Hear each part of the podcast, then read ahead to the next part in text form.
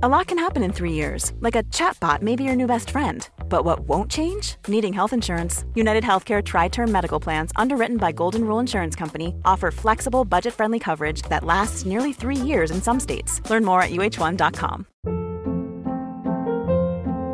Hold up. What was that? Boring. No flavor. That was as bad as those leftovers you ate all week. Kiki Palmer here, and it's time to say hello to something fresh and guilt-free. Hello Fresh. Jazz up dinner with pecan-crusted chicken or garlic butter shrimp scampi. Now that's music to my mouth. Hello Fresh. Let's get this dinner party started. Discover all the delicious possibilities at hellofresh.com.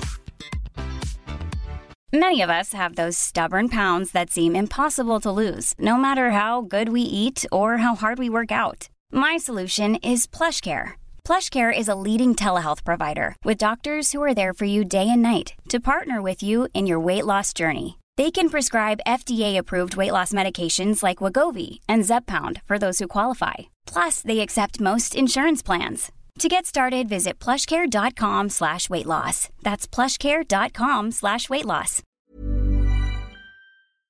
Ann, vet du vad som nalkas snart? Sommarsol. Och min berömda midsommarfest. Det är din älsklingstradition. Och vad passar då inte bättre än att vi denna vecka sponsras av Rusta? Jag drog iväg till Rusta och gjorde, du vet, den här episka inköpskavalkaden.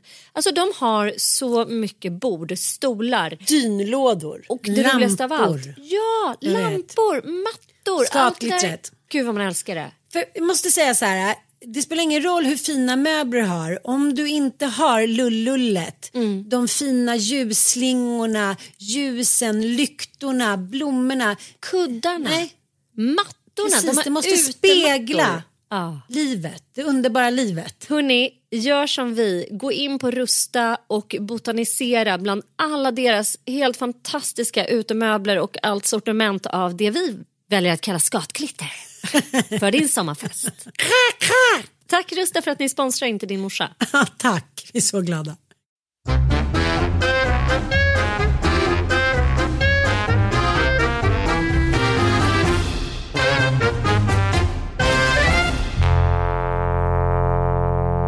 Hej och välkomna till veckans Inte din morsa. Mm, vi har suttit och snackat här i typ två timmar innan vi satte igång.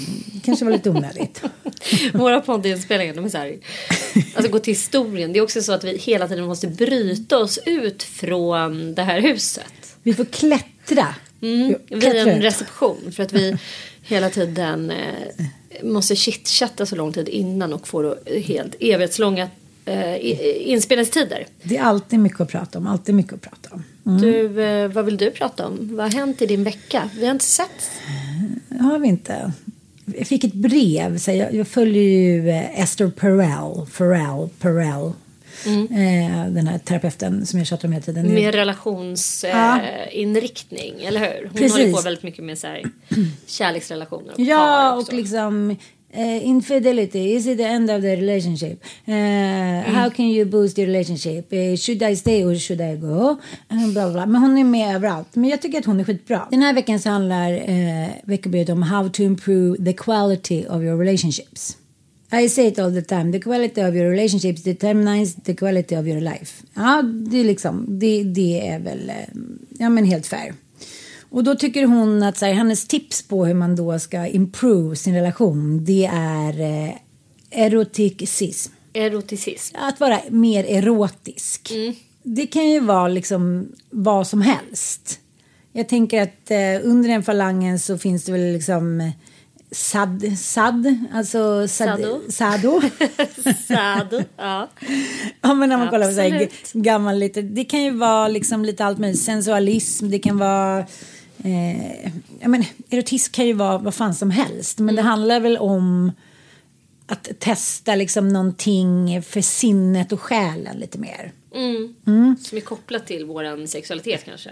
Ja, men precis. Jag tycker att det är liksom att liknas vid någon form, alltså när man gör sex till någonting mer än fortplantning. Eh, Mer än att stoppa för- in den. Ja, exakt. Mm. Och, och det är väl det hon säger, att, att, liksom att man... Eh, att man utforskar den sidan som inte är liksom per se sexet utan Mm. det sensuella, nyfikenheten, äventyret. Så här, vem är du, vem är jag? Mm.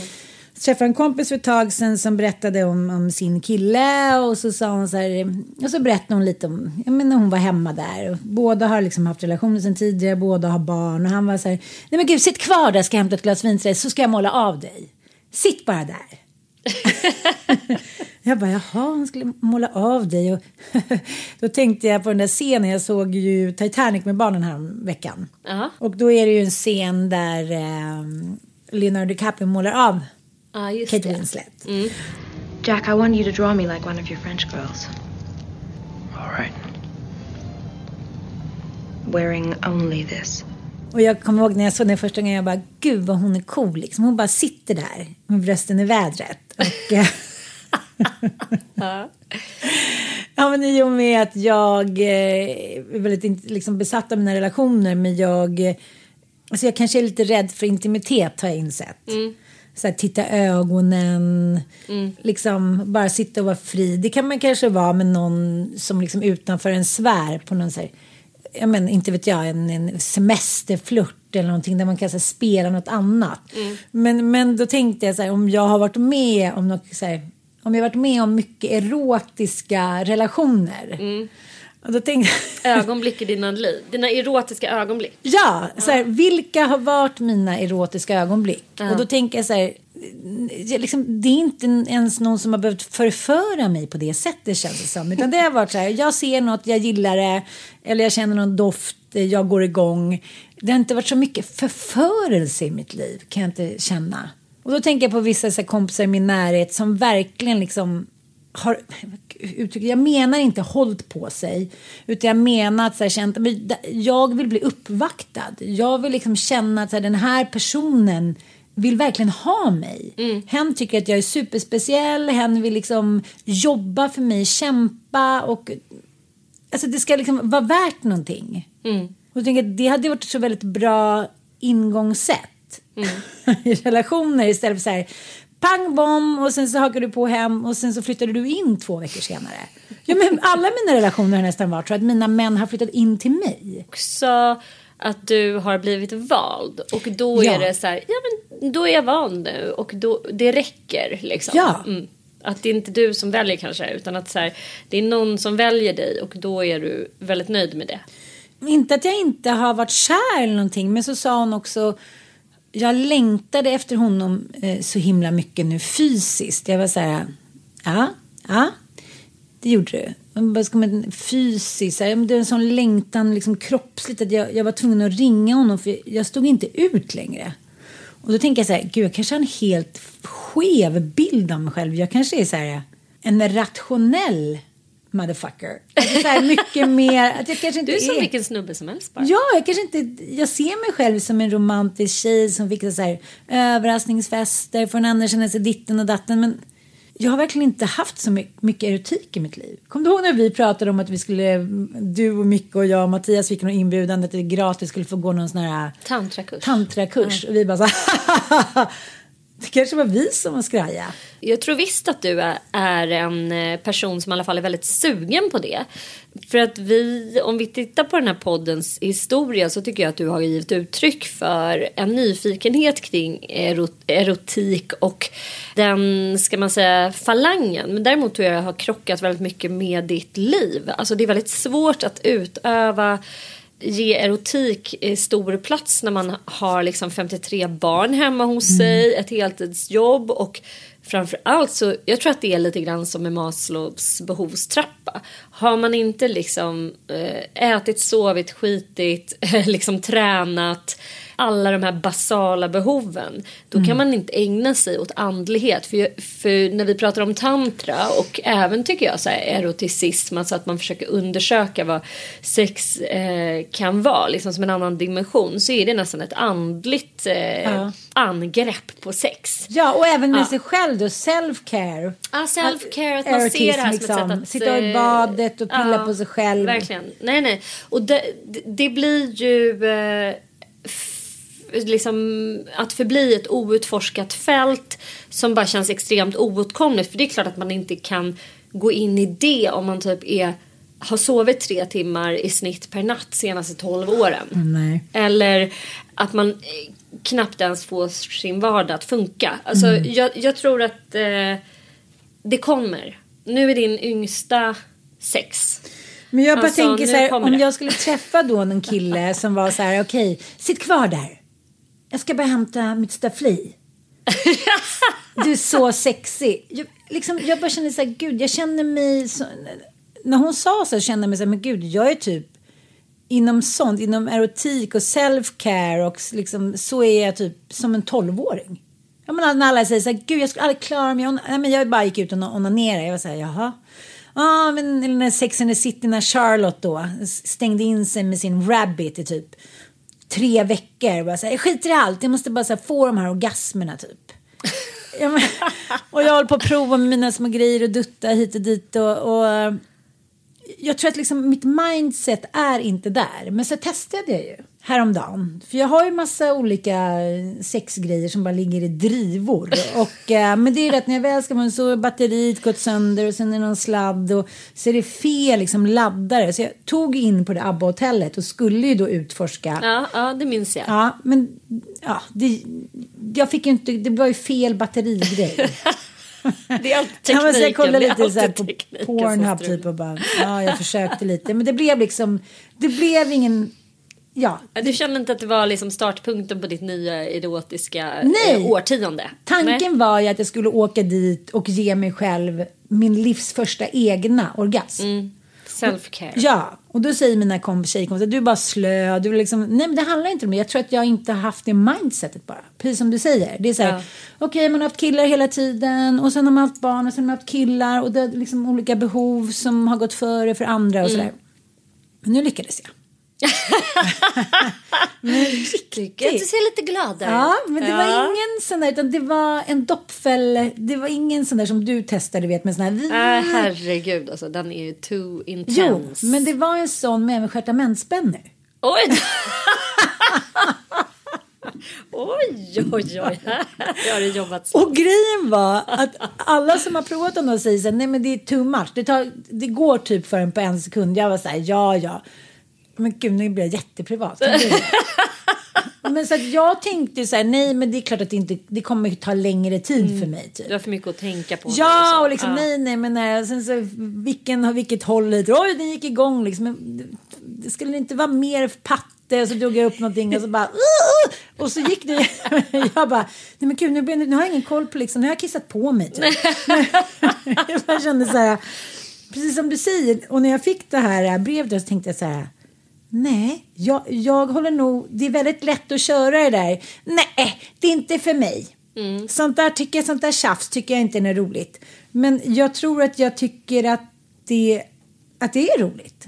Ja. Att, att liksom bli lite mer, eh, ja men allt från så här, som hon skriver då, face mask mindfulness. Att, så här, att man kan ha lite, att allting behöver inte vara knullerull för att det ska vara erotik liksom. Nej, vi hade ju i Karlavagnen för eh, två veckor sedan. Ja. Så eh, apropå att eh, Hotell Romantik, den här serien Ja. med äldre Ja. personer som vill dejta, Mm. eh, var igång. Så hade vi liksom temat, är du äldre? Dejtar du? Längtar man efter sex? Är det pinsamt att ha sex? Alltså så här, vi diskuterade liksom det här med erotik och eh, ålderism. Liksom. Mhm. Hur är det att ha sex när man är äldre?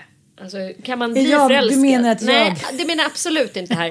För jag tycker inte du har passerat. Det är väl när man är Ja. över 65 tänker Ja. jag. Men det som var så himla härligt att eh, höra. För att det, det var att det var så jävla många som ringde in och bekräftade att det är klart att man kan ha sex när man är över liksom, en viss ålder. Det kommer aldrig att upphöra och man kan Nej. bli hur jävla barnsligt förälskad som helst.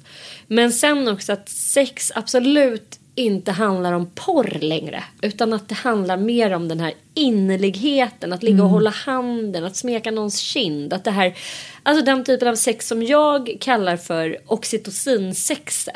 Ja. När man liksom går igång på närhet och att slingra, att bli som liksom, du vet när man smälter samman i som en enda kropp och så.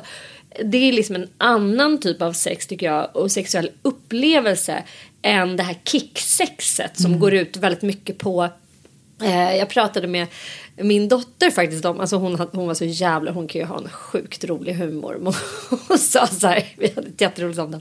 Så hon så här, fan det här med sex ändå. det är så jävla äckligt. Sa hon det? ja men vi skrattade ju jättemycket. Det var ju liksom sagt i en extremt ironisk kontext. Men liksom att det här, det ska bytas kroppsvätskor, man ska liksom Mm. vara naken inför varandra. Det är, så här, det, ska så, det, är så, det är också en väldigt Smaskas, risk. slaskas. Ja det ska smaskas och slaskas och folk är smutsiga till ögonen. Men också att eh, det här med one night stand det är så här totalt normaliserat fast egentligen faktiskt utgör en ganska stor risk. Mm, Vem fan skulle ens släppa ihop? Alltså om du gick ut på krogen var dyngrak. Du skulle ju aldrig släppa hem typ random tjej och bara kan inte du sova hos mig och bara ligga och krama mig? Alltså det nej, skulle man nej, aldrig nej. göra. Men man kan gå hem med en helt okänd kille. Helt okänd snubbe och eh, ligga med. Och det är bara helt normaliserat. Att man har ett hemsläp eller bara släpas hem. Och det ska man bara typ. Fast det egentligen är en ganska riskfylld handling att göra. Alltså så här utifrån. Alltså man ska ha en jävla skärpa och avgöra om en, för en helt okänd människa är lämplig att släpa hem när man är eh, typ har en 1,5 promille i blodet. Alltså Det är rätt- helt omöjligt. Det är helt omöjligt. Och det är rätt knäppt att vi liksom eh, har det här som en norm i vårt samhälle att man typ släpar hem folk till höger och vänster. Men sen har du ju fler risker. Du kan bli med barn, du kan få en könssjukdom, du kan få urinvägsinfektioner, du kan liksom Klamman. Härpan. Könssjukdomarna Ja. har florerat Ja. i vårt, eh, genom historien liksom. Att du har kunnat riskera bara Svamp. svamp. Nej men det finns mycket som är Nej, jävligt äckligt helt Ja. enkelt. Det är en helt annan typ av liksom igångsättning med den typen av sex. Alltså så här, Mm. släp, hemsläpet från krogen med okänd människa. Där är det ju inte oxytocinsexet man vill åt då. Att man ligger sammanslingrade. Utan Nej, det är ju nej, någon slags nej. Mm. kickgrej liksom. Att man är lite så här i någon form av bara shit vad är det jag gör? Vad crazy. Typ. Ja, men det, var ju, det var ju det som vi pratade om när Ann Heberlein skrev den där eh, ja, reportaget i, DN tror jag. Där hon skrev att hon då 21 år senare eh, skiljer sig och är plus 40 och eh, har inte varit med någon annan man och ska då ut på marknaden igen och chockas av mota dessa män som ska försöka nästan våldta henne i liksom grind. och, och de är mer så här, ja men det, jag fick inte upp den riktigt, men jag har druckit några glas vin, men vi kan väl bara snacka lite eller ta en cigg under fläkten. Hon var så här, nej nu, kyskhetsbältet, ja det, nej, alltså hon, hon sa, jag var i sån chock liksom, att, att, att spelreglerna var så ändrade att man så här, inte slapp spela det där spelet. Och att hon också tyckte att så här, jaha, att man också känner sig åtrådd via det för att det är så hela samhället uppbyggt från Bibeln och nu. Så att du ska icke ha några andra fruar efter du ska inte ha liksom, lust efter en annans fru, du ska inte våldta, du ska inte hit och dit. Så att man är liksom inkorporerad i att alla män vill våldta honom i stort sett. Och sen ser plötsligt så har de liksom lite slappetask och vill ta en Sigge Pillis under liksom fläkten och då blir inte det heller bra. Så att, eh, jag tänker att man måste liksom vidga hela den där eh, synen på eh, hur män liksom måste bete sig och mä- kvinnor ska känna sig. Liksom. Att, jag tror män också känner sig utpekade att så här, bete sig sådär. För jag har ju haft många män som har varit just det där. Det ska sättas på i parti och minut och på liksom eh, bilmotorer och man ska hela tiden så ska man säga typ jag orkar inte mer. Och, men sen när jag träffat män som ja, men man har dejtat lite så kanske ja, men även i början så där så ja, har de legat, liksom, legat och kramats och sen så ja, men man kanske har druckit lite vin så här, men vad mysigt jag ligger bara och håller om dig. Det har gjort mig extremt stressad. Jag har kunnat ligga vaken i timmar och säga men nu åtrår inte han mig.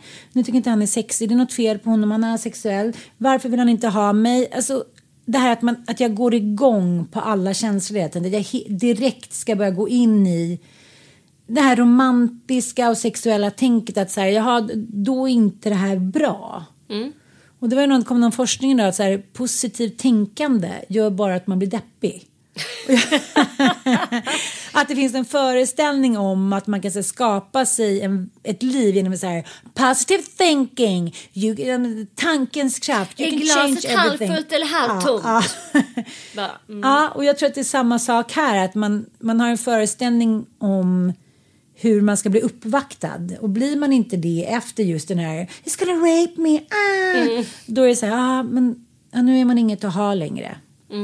Och så är en killkompis till mig och eh, en, tjej, ja, en tjejkompis, jag vill inte säga några namn, men vi träffade en gammal killkompis och han var nyskild och sen var det så kul, vi kanske bara ska flytta ihop allihopa och ha det mysigt typ. Ja, ah, det är svinbra, säger min kompis, då kan vi så här, bo i varsitt hus, kan vi ligga med varandra. Han bara, men gud, orkar man göra det längre? Typ. Och vi var så här, vad menar du? Så här, ja, då kan vi ligga med varandra. Han gav sig inte, han bara, vi kan ju bara kanske spela spel, dricka lite vin och kramas, men men orkar man hålla på och ligga? Och då kände jag igen det där. Det är klart att du ska vilja ligga med oss. Vi ska ligga med dig. Du vill ligga med oss. Liksom, jag menar att just att, att erotiken i mitt liv har liksom...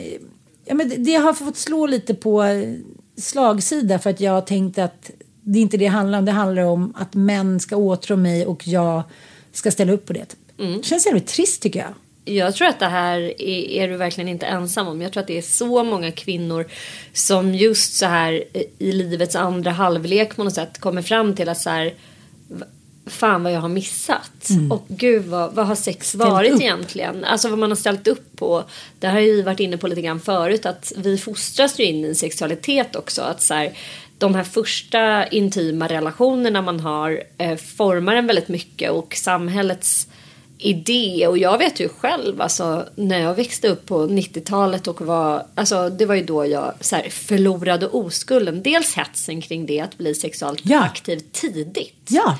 det var liksom det viktigaste Men den när man finns fyllde väl inte 13 längre? år och började högstadiet Men den finns väl inte längre? jag tror tyvärr att den finns och eh, jag ser på, inte mina grabbar tycker jag inte verkar vara så hetsiga kring det. Men det vet jag inte, det kan också vara så att de eh, döljer det för mig. Men jag kunde verkligen se det på Olga och hennes kompisar. Att, eh, och jag upplevde inte att killarna hade samma hets kring det heller när jag själv var ung. Men däremot alla vi tjejer. Det var liksom ett ständigt hets kring det. Vem som var tidigt, tidigt utvecklad först. Ja. Och var man inte det så drabbades man ju av här- alltså det var ju en statussymbol. Då var man inte lika poppis. Nej, så du skulle inte få tutta för tidigt. Aldrig innan högstadiet Var det helst. slampa? Ja, då ja, men då var man ju så avvikande och konstig. Det är det där lilla fönstret som Mm. vi också har varit inne på en hel del här. Och sen eh, skulle du under högstadietiden helst vara utvecklad först av alla och så sexuellt aktiv som möjligt. Mm. Det, det är liksom så jävla mörkt när jag tänker på det Mm. egentligen. Att det var det här vi gick och pratade om på rasterna hela tiden. Alltså vem som eventuellt hade legat med någon och det var bara så här typ. Och eh, nej men det är så knäppt Jag alltså. vet, jag vet, jag vet. Var det så för dig också? Jo, det var verkligen så, men jag försökte ju hålla mig utanför det där. Jag var liksom ingen sugen på att ligga med killar. Herregud, men sen så umgicks jag ju med äldre killar. Och då var det, alltså det var ju huggsexa om att ta min oskuld. De samlade ju pengar för att kunna supa ner mig. Så, här, så de hade skramlat till, typ, till en kvarting vodka med Fanta. Och då kommer jag ihåg att jag gick in på liksom det var hemma i ett radhus där i Farsta. Vi hade någon fest. Jag gick in på något rum med någon och då satt någon annan kille som också ville ligga med mig utanför och var så här råsvartis. Så han knackade på och sa nu räcker det typ. Så blev det liksom någon tjafs om det där. Och sen blev jag tillsammans med en annan kille som gick i Men då nian. förlorade du oskulden då? Nej. Nej, Nej, utan då var han så här, gud nu är hon för full liksom. Men det var bara rent själviskt. Mm. Ja, han det själv ville liksom att jag skulle nyktra till och sen skulle han liksom supa ner mig halvpackad så han kunde... Nej men alltså det Ja, men var, det är de gick i nian. De, de var så raffinerade tycker jag. Mm.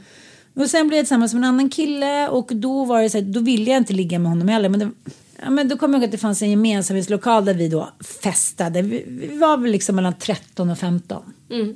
Sjuan till nian då är man väl 13, till- ja, f- 13 14, 15, 16 Mm. liksom.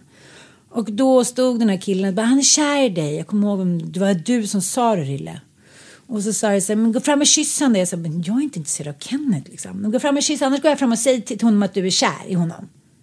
Och jag bara, okej, mm, mm, mm. 13 år, så här, inga bröst, såg ut som så här, 10 år gammal. Mm. Det blev så- mycket mycket grejer som jag känner nu och då, då tänker jag så att, att det också skapar bilden av vem man är. För jag tänker att, att jag ville så snabbt bli av med allt det här. Mm. Oskulden, ligget, bla bla bla. Så här. Jag får det gjort bara. Mm. Hur, hur erotiskt är det? Och vara så här, 13 år och ta oskulden. Du är inne på någonting här också, så här, för att det, det är någonting det här med grupptrycket och att man identifierar vad som ger eh, social status i, i det kompisgäng som man umgås med. Där man alltså vill ha någon typ av värde hos de andra. Att man vill ha ett förhöjt värde, man vill bli viktigare än vad man kanske var och sådär. Och det, det är ju något, här, om jag förlorar oskulden så kommer jag få ett högre socialt värde för Ja. de här människorna. Så det är liksom det som är incitamentet och drivkraften. Inte att man själv är erotiskt intresserad. Så var det i alla fall för mig. Och jag minns att vi hade en kompis som, som umgicks i det här lilla kompisgänget som jag hade och hon hon hade så här benhård integritet. Hon ville inte röka. Hon bara, gud vad äckligt. Och sen så var hon också så här helt öppen med att nej, hon vill inte förlora oskulden om inte hon var kär. Hon tänker inte ligga med någon om inte hon blir superkär i någon. Det var Så väldigt ovanligt. Alltså var så, hon var ju så här extremt ovanlig. Och det vi däremot inte riktigt kunde se det är att liksom, det är en fråga om en människa som har en intakt integritet och troligtvis Har fått det av sina fan, föräldrar. Ja, måste ha fått det av sina föräldrar. Tänker jag. Ja. Alltså lite grann upplever jag det som att jag eh, var i ett sammanhang med eh, väldigt mycket det här flugornas herre. Att det så här, våra föräldrar var rätt off. De var inte tillgängliga. Ja, de hade fullt upp med sitt sina, sina livskriser och sådär. Så att vi höll ju på. Vi hade ju extremt så att säga fritt eh, fram. Att liksom bara umgås helt själva på egen hand och skapa våra egna djungens lagar i, i stort sett. Liksom. Där det sociala spelet gick väldigt upp, mycket ut på eh, vuxenblivandet. Att röka, dricka och ha sex typ. Ja. Alltså, Och är så- snatta. Och snatta. Och bara prata om killar i stort sett. Hela högstadiet var besatt av olika killar. Det var liksom det som Mm. gjorde att man var någon. Och att man Trodde att man var- Jag trodde att man var det. Men vi var ju också det för varandra. Ju Ja, mer fattar, fattar. utåtagerande vi var i de här beteendena desto coolare. Det är jävligt spännande att våga titta på sitt sexuella uppvaknande och sitt sexuella liv. Vad det har varit för en eh, i, hittills. Fram Ja. tills nu. Och då eh, gjorde jag ett test. Ja, Ja, men alltid så här, för då började jag liksom googla på det såklart. Eh, då gjorde jag ett test i en tidning där det stod så här, vilken sextyp är du? Och då var det allt från så här, eh, den här tyckte jag var den som var mest spännande då, för då, vilken färg är du? Vilken sexuell färg. Precis, för de, då, då, då vill de liksom översätta det från de här fyra olika personlighetstyperna du vet. Ja. Nu är de här eh, såklart, Ja, det, ja. ja. men du vet, de är såklart lite överdrivna i sina karaktärer. Men det var ju den här, kommer du ihåg den där omgivna av idioter som kom ut 2014, den här Mm. Thomas Eriksson? Den har ju blivit grovt kritiserad. Ja, för den har ingen vetenskaplig grund men den har ändå sålts in som att han är il professore liksom. Ja, men också att människor ändå verkar ha uppskattat den. För även om saker och ting inte är vetenskapligt förankrade så det är väl lite grann som med religion, andlighet och tro. Ja. Eh, Det är ju det är ingen som kan bevisa att Gud existerar eller inte. Nej. Och ändå så har ju kristendomen eh, ganska många anhängare. eller hur? så är det ju. Ja, Ja. Det är väl inte särskilt mycket i den här världen som är bevisat. Nej, exakt. Och ändå så är det många som tror på det. Ja, men då, då är- har de liksom baserat den här testen då. Att man har översatt det till hur man fungerar i sängen. Mm. Men bara att säga att en kvinnlig journalist skriver hur man fungerar i sängen känns också lite så här. Men det känns också väldigt så här. Eh, dels Ja. prestationsinriktat. Är du knullbettan? Eller du så här... ja, men, Dels, och sen verkligen också- prestationsinriktat. Ja, och den Ja. där, jag kan också bli så här extremt provocerad när jag läser om olika så här övningar. Det här ska du göra med Alltså så här, i kvällstidningarna så. Det är ju en mycket populär rubrik för Mm. att locka klick. Folk verkar ju toka i såna här praktiska. Och vet du att det är en, en av de mest populära så här porrfilmskategorierna? Den praktiska Ah, fittan. nej. nej men alltså så här guider. Så här gör du.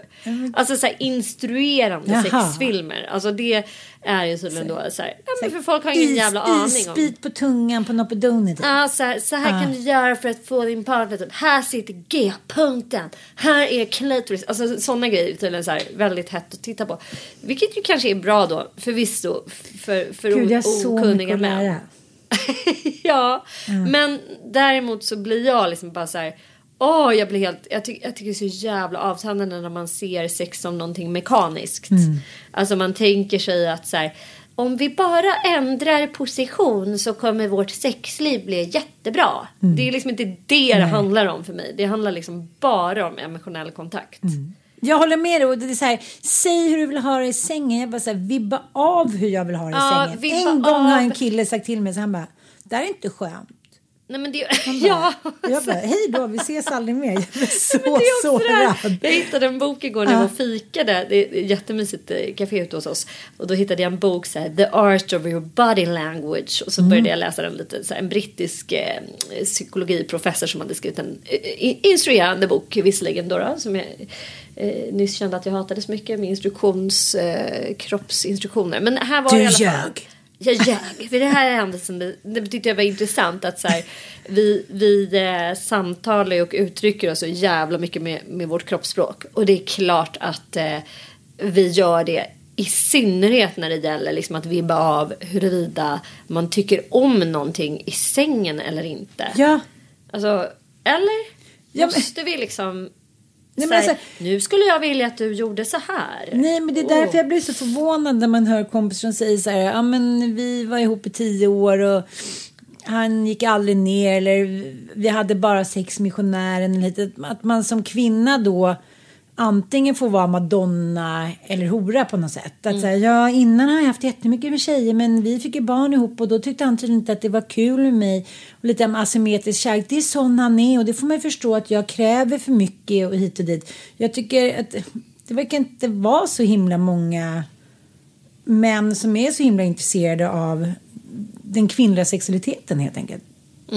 Alltså, jag, det känns som att när min kompis säger sådär, stanna här, jag ska hämta penslarna och en flaska vin. Vi kan sitta, jag vill måla av dig i timmar. Du vet, jag blir så stressad av en sån replik. För för mig har det liksom inte kärlek och sex riktigt varit så, förstår du?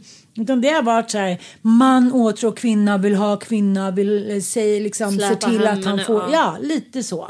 Och sen så efter ett tag går det där över, då blir det liksom någonting helt annat och då har inte liksom det erotiska kommit istället. Och då blir det ju väldigt hårt slag liksom. Från det där piedestal, åtrå dig, kan inte leva utan det vill ha dig dygnet runt till så här bebis, eh, nej ingen åtrå.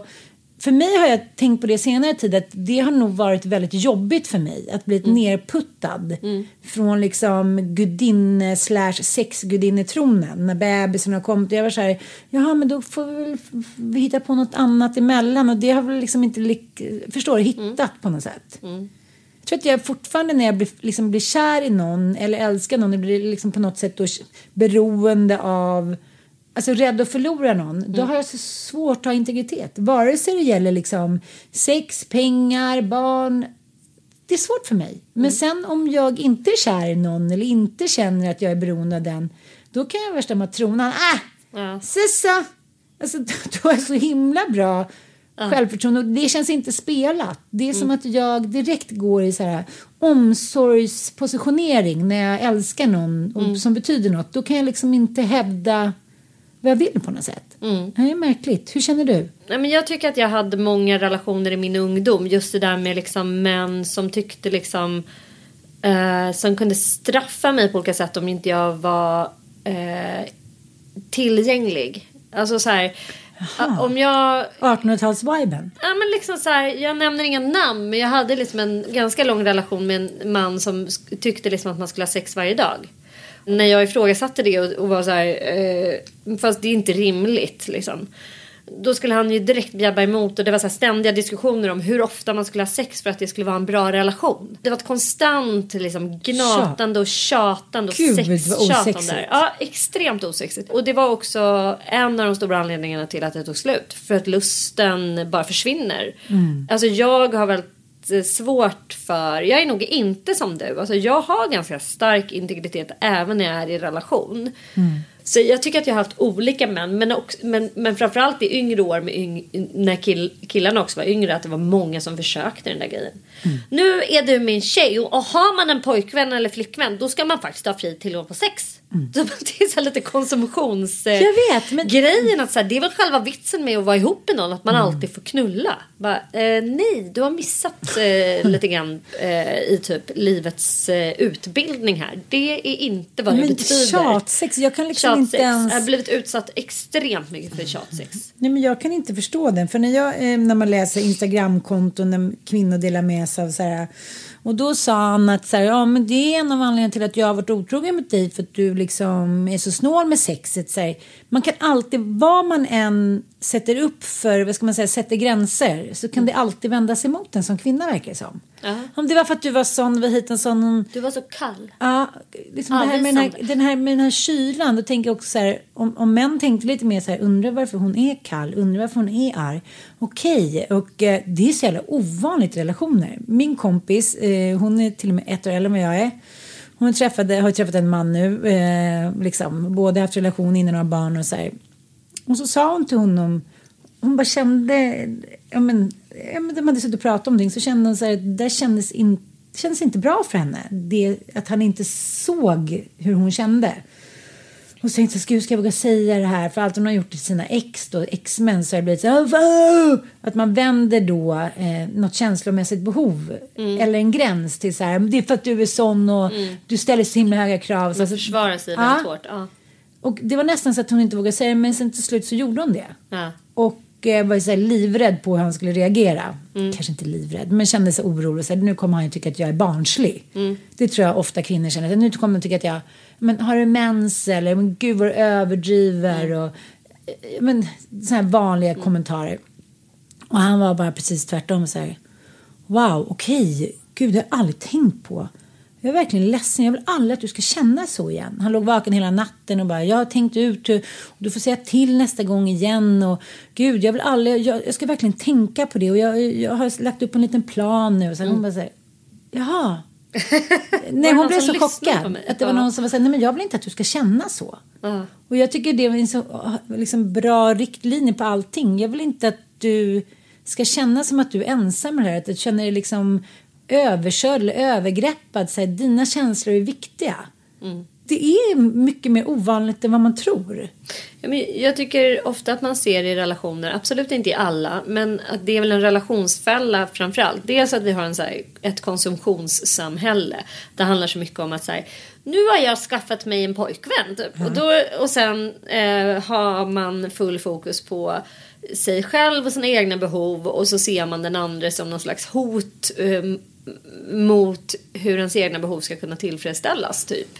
Så här, du är i vägen för mina planer, du är i vägen för mina, eh, vad det nu än kan vara liksom. Eh, och att man tar varandra väldigt mycket för givet. Ja. Eh, tycker jag. Verkligen. Men, men, men framförallt också den här in, individualismen som jag tycker är så djupt rådande i stort sett i många relationer som jag ser kring mig. Att så här, man inte tänker vi. Mm. Eh, liksom, jag vill aldrig att du ska känna så. Det borde ju vara helt rimligt. Det är Ja. klart att man inte vill att den som man älskar Det är mest av allt. maktkamp tycker jag. Mm. Det, är här, det här är mitt behov, det är så jag känner och då ska Mm. du finnas där när jag känner så.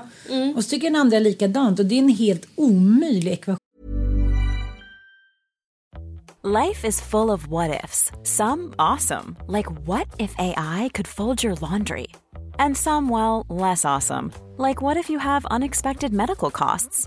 United Healthcare can help get you covered with Health Protector Guard fixed indemnity insurance plans. They supplement your primary plan to help you manage out of pocket costs. No deductibles, no enrollment periods, and especially no more what ifs. Visit uh1.com to find the Health Protector Guard plan for you. Millions of people have lost weight with personalized plans from Noom, like Evan, who can't stand salads and still lost 50 pounds. Salads, generally, for most people, are the easy button, right? For me, that wasn't an option. I never really was a salad guy. That's just not who I am. But Noom worked for me. Get your personalized plan today at Noom.com. Real Noom user compensated to provide their story. In four weeks, the typical Noom user can expect to lose one to two pounds per week. Individual results may vary. Ever catch yourself eating the same flavorless dinner three days in a row? Dreaming of something better? Well, HelloFresh is your guilt-free dream come true, baby. It's me, Kiki Palmer. Let's wake up those taste buds with hot, juicy pecan-crusted chicken or garlic butter shrimp scampi. Mm. Hello Fresh. Stop dreaming of all the delicious possibilities and dig in at HelloFresh.com. Let's get this dinner party started.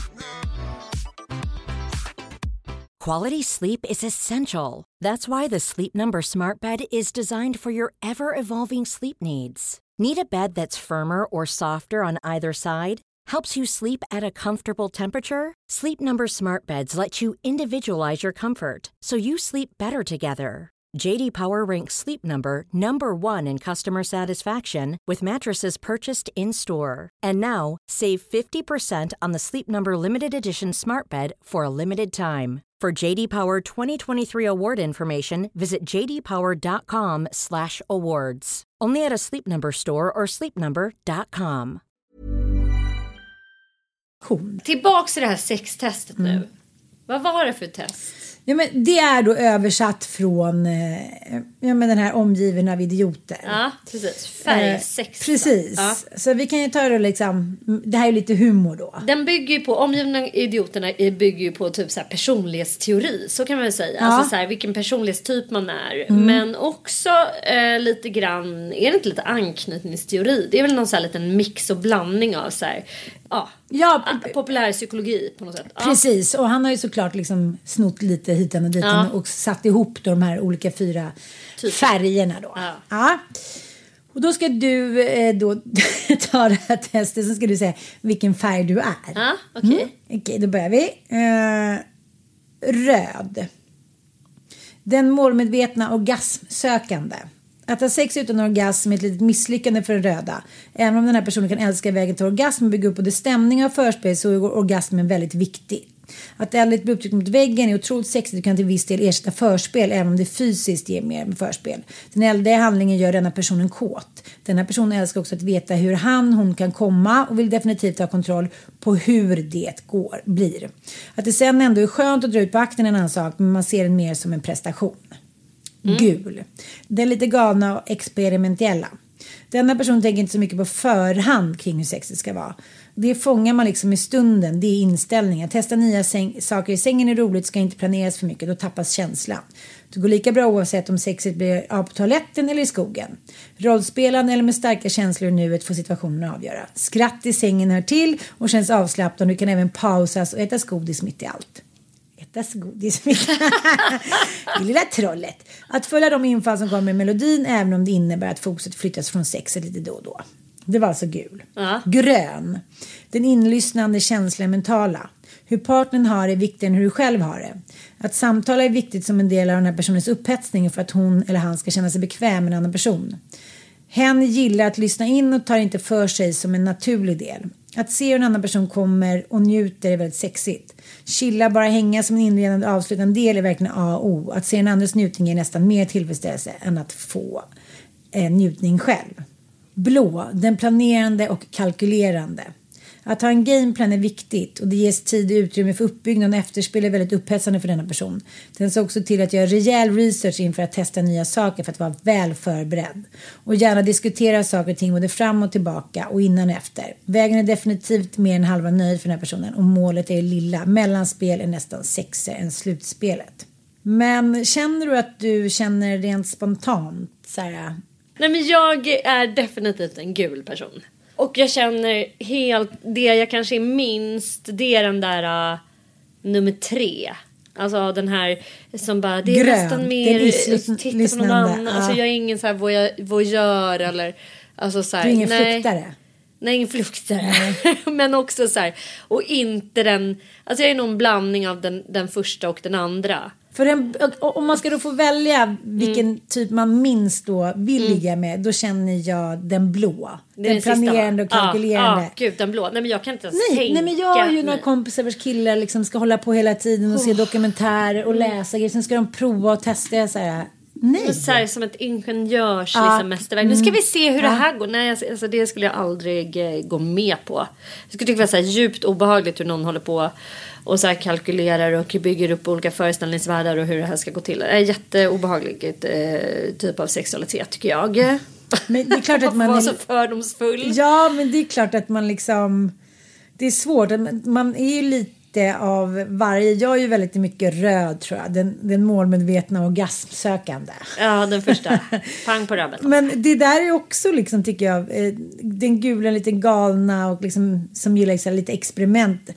Och det, det återkommer ju till det här med att liksom det är svårt att vara i det sexuella nuet när det är så här, sju ungar som ligger i sängen eller liksom det är pappmaché-väggar eller det är Nej, problem med ekonomin. Den bla, bla, röda, bla. den första. Ja. Den är ju eh, absolut mest enkelt Ja. tillämpbar Ja. med barn och ett hektiskt liv Mm. såklart. Bolibompa-sexet, Ja. typ. stoppa in dem. Mm. Ja. Och, och den gula är väl liksom att kunna åka iväg på en så här weekend och Mm. vara tillsammans och ha kul. Alltså så här, det, det tycker jag är väldigt så här, befriande att kunna skratta med den man har Ja. sex med och att man kan, alltså det, det kan bli liksom fel. Ja. Man kan så här, börja garva, man kan ha liksom eh, roligt och det behöver inte vara liksom något fulländat så här. Det, det tycker jag har verkligen gjort mycket för mitt erotiska liv i alla fall. Mm. Att hamna i den punkten att man känner sig liksom helt bekväm med att det absolut inte behöver vara perfekt eller klanderfritt. Och att det kan vara bra ändå.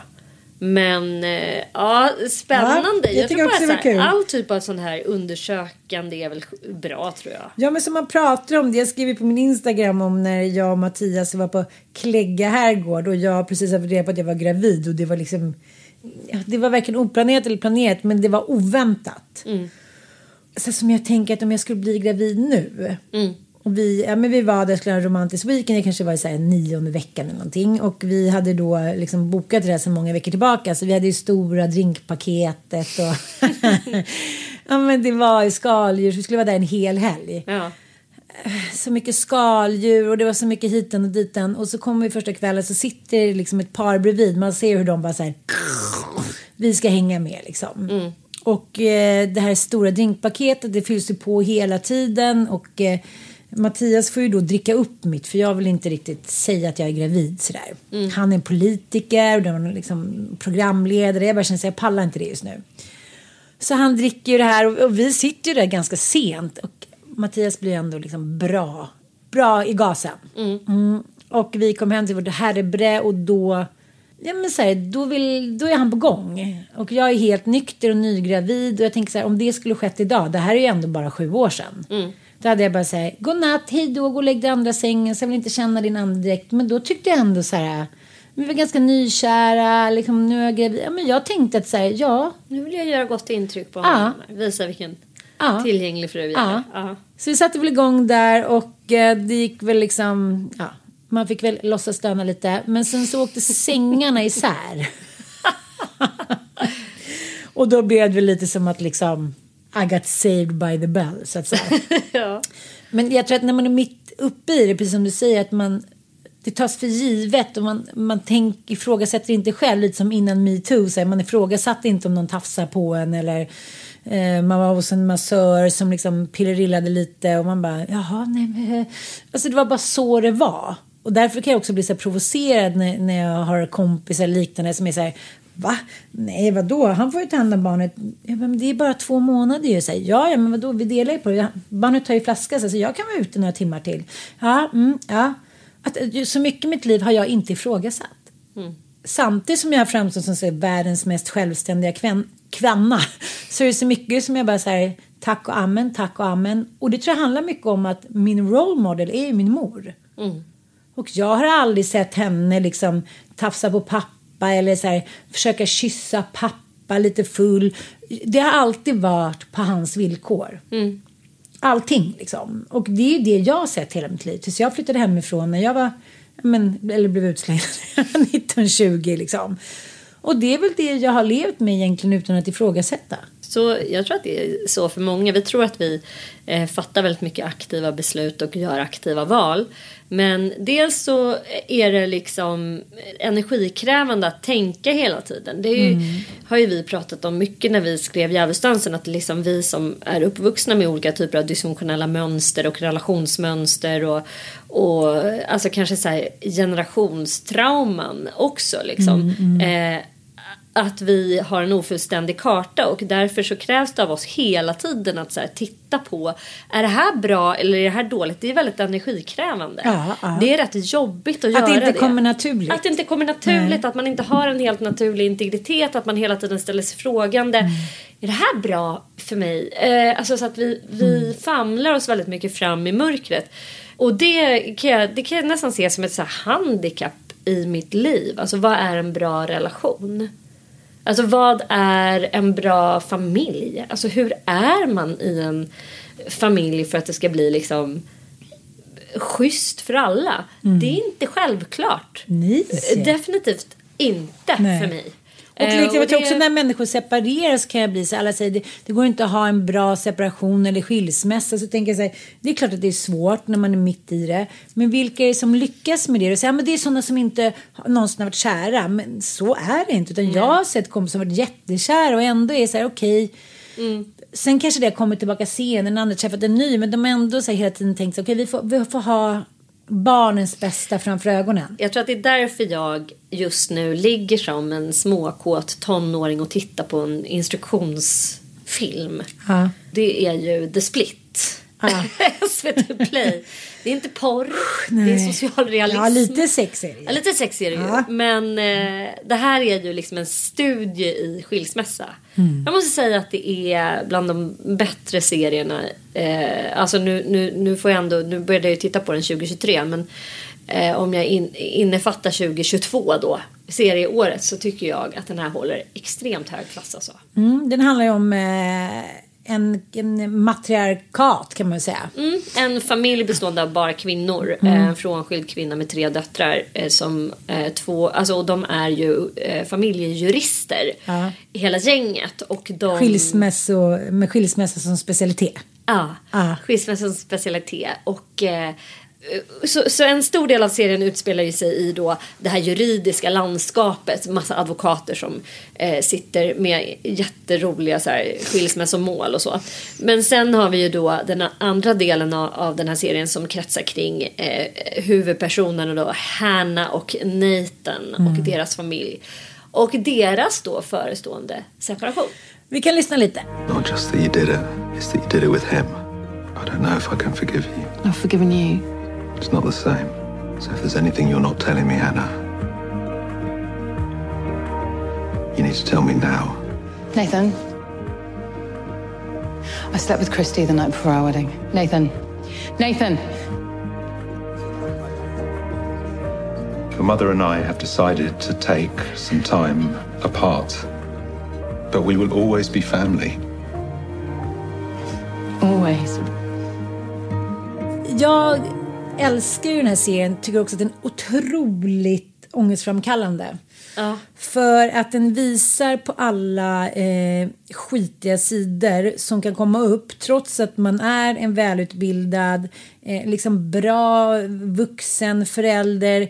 Så är de där känslorna som oväntat kickar fram när man minst anar dem. Och de är så starka. Det är som att någon slår en med liksom en påk i mellangärdet. För man tänker så här, okej nu har jag förberett mig, det skulle kunna hända, det skulle kunna hända. Sen kan det vara saker som man, som egentligen på pappret är inte så stora. Nu ska vi, spoiler alert, så blir han gravid. Eller hans Aha, nya ja. tjej blir gravid. Nej men då kände jag bara så här, nej men jag kan aldrig skilja mig, jag, jag, jag, jag tar vad som helst. Hej, jag har träffat en ny tjej här nu så vi ska ha ett barn helt själviskt har jag skaffat två nya barn och tänker så här, gud, det tänkte jag inte på att liksom mitt ex skulle kunna reagera. Men, men han var ju väldigt storsint och tog i hand och sa grattis. Och... Men då ska vi också säga så här, du hade ju ändå, det har ju varit slut mellan dig och honom betydligt längre än i den här serien. Ja, ja. Ja, och liksom, men alltså jag måste också säga att jag fick lite grann, grann som när jag tittade på Nattryttarna. Så PTSD-vibb av, Ja. alltså det är några få serier som har givit mig det. Nattryttarna förstås eftersom den handlar väldigt mycket om narcissism och alkoholism, alltså beroende och där känner man igen sig Mm. onekligen. Jag fick ju också som sagt PTSD-vibb och började minnas mina föräldrars skilsmässa. Och just den där känslan av att, alltså jag mådde så jävla illa när eh, Nathan ska bjuda hem när han plötsligt, alltså hon skriver inte under skilsmässopapperna. Nej. Och då tar han tillfället i akt att eh, omförhandla. Och ska då ha in i eh, sitt avtal att han ska få komma hem med sin nya kvinna som är nygravid och sova över i hennes säng. Alltså det är så jävla gränslöst. Från att han är en så här hyvens man Så vänder det. så bara är han så skoningslöst korkad, em- oempatisk och det bidrar också så jävla mycket att den här nya kvinnan är barnpsykolog. Som också då liksom utåt sett är någon slags proffs på hur barn, men hon hanterar den här situationen så genomruttet. Och det påminner mig ja, väldigt mycket faktiskt om min pappas liksom, hantering av mammas och pappas skilsmässa.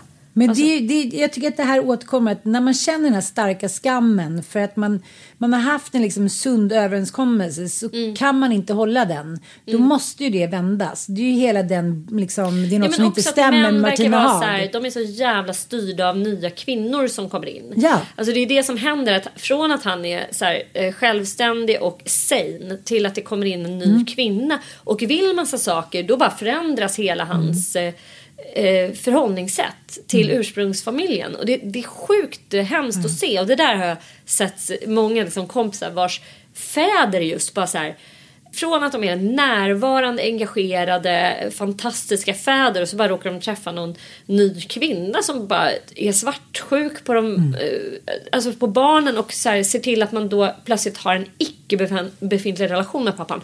Alltså så här, nej den är... Men vad beror det på? För jag tänker så här, det kan inte bero på att de är så head over heel förälskade. Jag tror att det bara handlar om att de kanske träffar någon ny sorts kvinna som de inte kan liksom, som de inte avdechiffrerat. Så att när den kvinnan då är väldigt bestämd och stark och liksom en, en kvinna som inte tar någon skit, då, då är det som att de liksom, de vet inte hur de ska bete sig så då, då bara tar de ett steg tillbaka för att de kan inte, är det så att män inte kan ha lojalitet på två ställen samtidigt? Är det inte det relationer ofta bygger på det här falsariet? Att man liksom måste vara superlojal och man får liksom inte ha några känslor någon annanstans. Och eh, det är bara vi mot världen nu och så. Alltså det är väl en vanlig föreställning som florerar fortfarande så.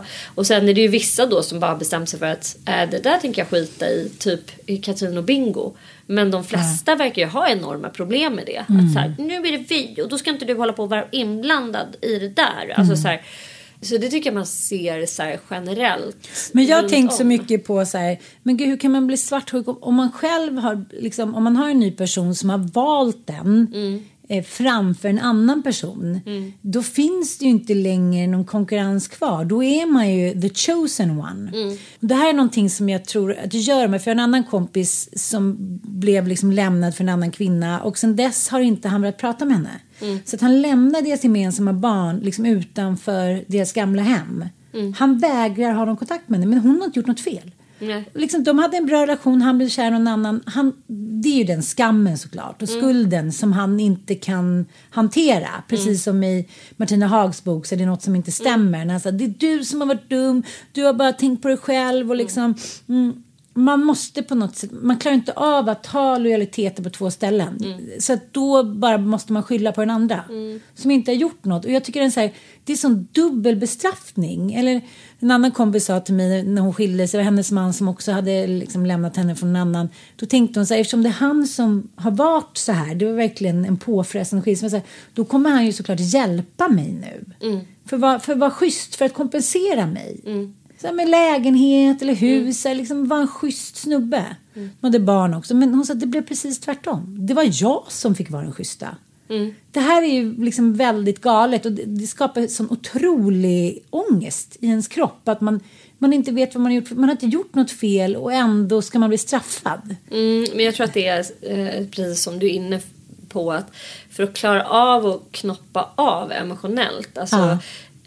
Den här starka, starka anknytningen som man har om man har levt med varandra så lång tid. Ja, Alltså, och det är det här man missar tror jag. det är Ja, som precis som att du ska en lämna ett barn. uppgörelse. Nej. Nej, det är som att jag skulle, det är ju faktiskt Ja. det. Eller att man skulle göra slut med sin bästis. Liksom, Ja. Att nu ska vi aldrig mer ses. Klart att det är eller- läskigt och Ja. obehagligt. Det är så här, man har ju en bindning, man har varit med den personen fysiskt. Mm. Det är precis som att man med amning eller småbarn. Det är som Frans och jag har legat bredvid mig varenda natt i snart sju år. Mm. Om inte han gör det, då är det klart att det är någonting i min kropp som skriker efter honom. Varför skulle Mm. det inte vara det efter partnern? Ja, det är klart att det är. Jag tror att folk intalar sig nu är det över, det är slut, jag hatar henne, vi har inte passat ihop, vi har inte älskat varandra. Men så här, vad beror på? Är det verkligen skilsmässa du vill ha då? Mm. Och ibland är det ju det, men så undrar man så varför känner jag så här, varför känner jag mig attached? Du kommer göra det resten av ditt liv. Det behöver inte betyda att du behöver vara med den personen, att du ska vara med den personen. Men du kanske kommer sakna den personen resten av ditt liv varenda dag, Ja. även fast du inte kan vara med den. Nej, och där måste jag säga att eh, jag tror att det är därför jag älskar The Split så mycket. För att den faktiskt ger den här långa relationen eh, som ju har massor med defekter och skav. Alltså det är ju ett, eh, det är bra att de skiljer sig.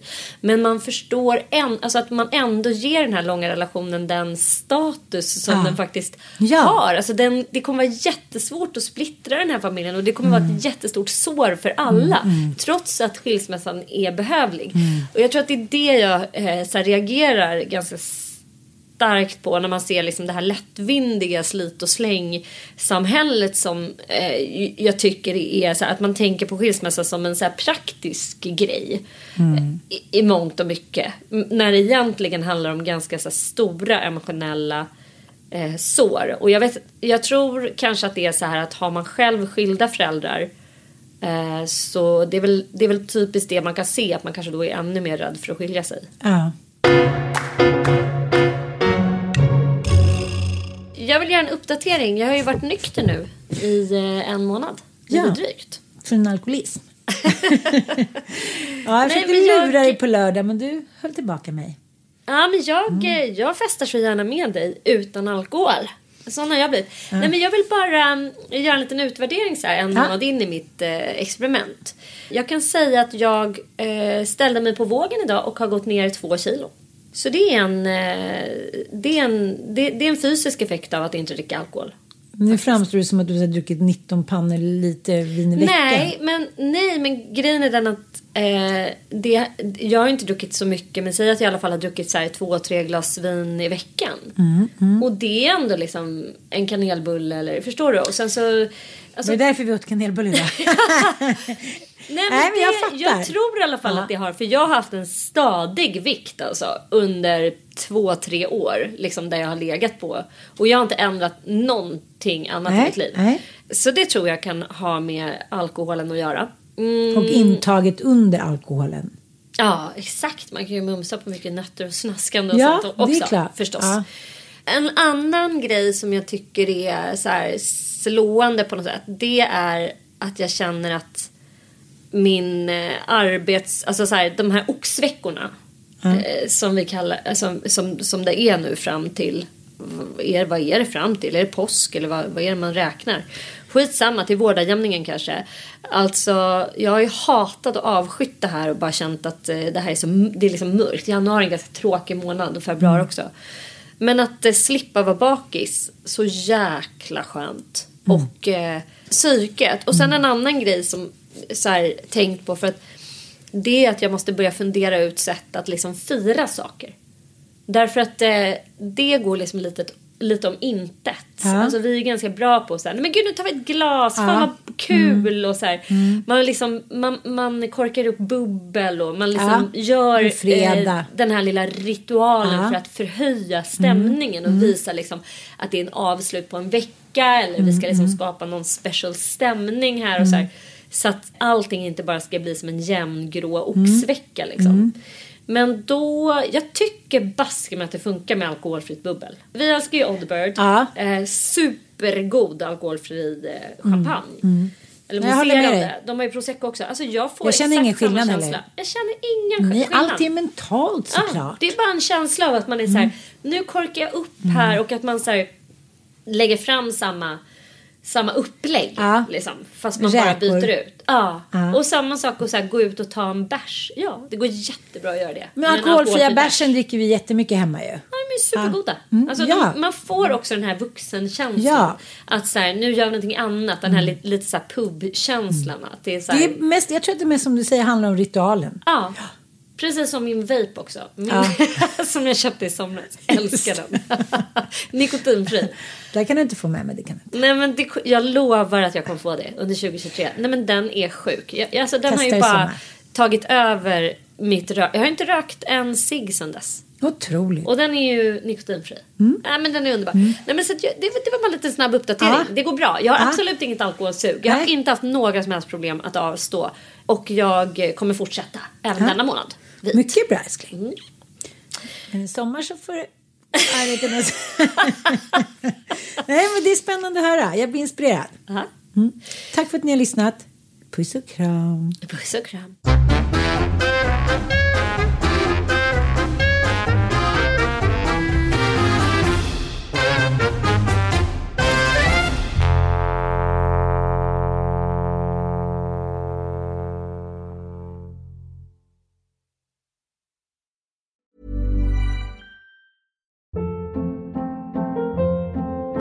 Hold up. What was that? Boring. No flavor. That was as bad as those leftovers you ate all week. Kiki Palmer here, and it's time to say hello to something fresh and guilt-free. Hello Fresh. Jazz up dinner with pecan-crusted chicken or garlic butter shrimp scampi. Now that's music to my mouth. Hello Fresh. Let's get this dinner party started. Discover all the delicious possibilities at hellofresh.com.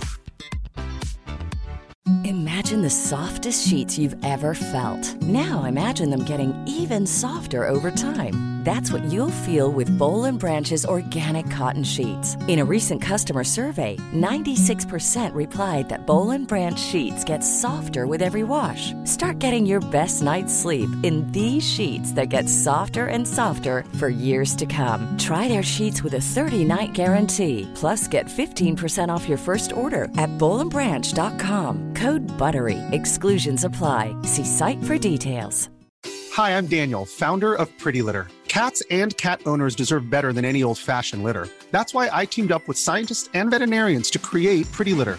Its innovative crystal formula has superior odor control and weighs up to 80% less than clay litter. Pretty Litter even monitors health by changing colors to help detect early signs of potential illness. It's the world's smartest kitty litter. Go to prettylitter.com and use code ACAST for 20% off your first order and a free cat toy. Terms and conditions apply. See site for details.